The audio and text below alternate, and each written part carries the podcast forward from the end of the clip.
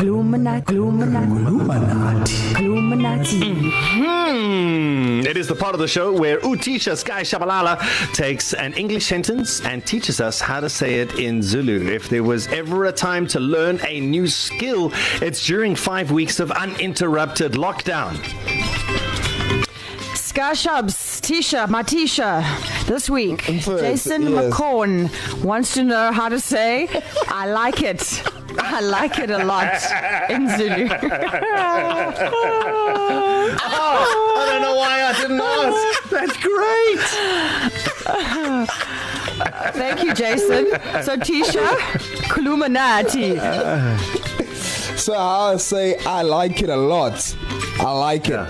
I like it a lot. Jeez, like is that even like a saying in English or is it just Darren Moore's? No. What? Do...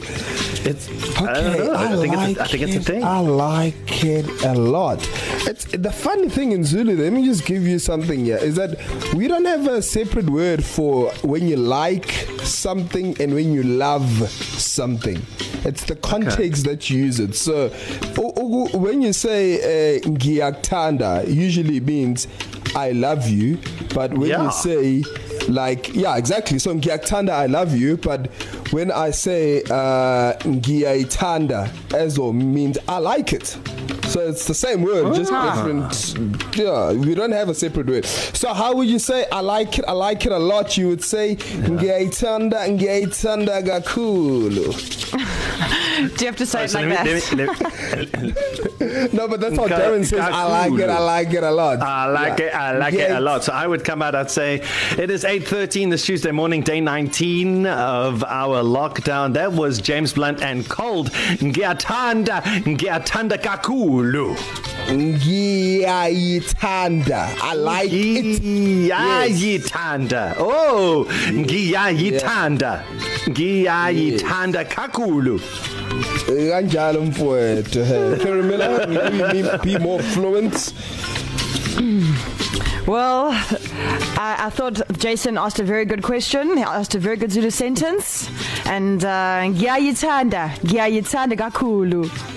Ah, 100% my child. Nailed well it. done, Mila. Well Nailed done. Nailed it. I don't know why we had to wait for Jason to give us the suggestion. Best, best uh, Culuminati suggestions so far. And remember, you can catch up on all of our previous Culuminati podcasts. Uh, all the episodes are available on, uh, on our blog. You just go to the East Coast Breakfast blog on ecr.co.za.